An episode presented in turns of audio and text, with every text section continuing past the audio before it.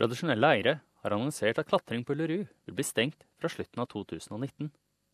Turistorganisasjoner er blant de som har ønsket beslutningen velkommen. Ullerud tiltrekker seg hundrevis av besøkende hvert år, men fra oktober 2019 ble klatring av fjellet forbudt.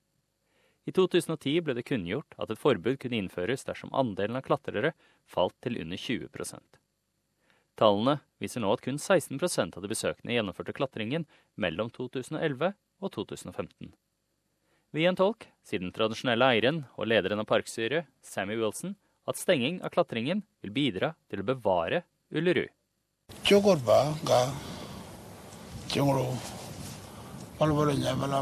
And another thing to add to it is where they climb up and down, they've left a mark there also engraved into the rock.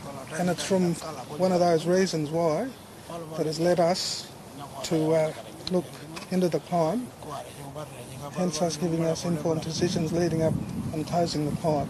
It's one of the reasons. Stedet forvaltes av Ulleru Katachuta National Park Board, som inkluderer åtte Anangu eldste. I en uttalelse sa styret at beslutningen om å lukke klatringen ble gjort etter omfattende konsultasjoner. Rod Hillman, administrerende direktør ved organisasjonen Økoturisme Australia, har ønsket forbudet velkommen. We're very supportive of the climb being closed. This is no surprise. This has been flagged for a very long time that it was the intention to close the climb uh, in the current management plan, which was came out in 2010. It was very, very clear that subject to a range of criteria being met, the climb would be closed. But more importantly, the, the traditional owners don't want people to climb, and we need to respect that.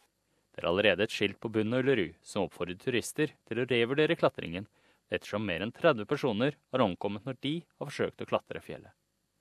Hilmen sier at det er andre måter folk kan oppleve området på. There's a whole lot of new experiences that have been developed, walking tours, cultural tours, uh, even segways that uh, Uluru.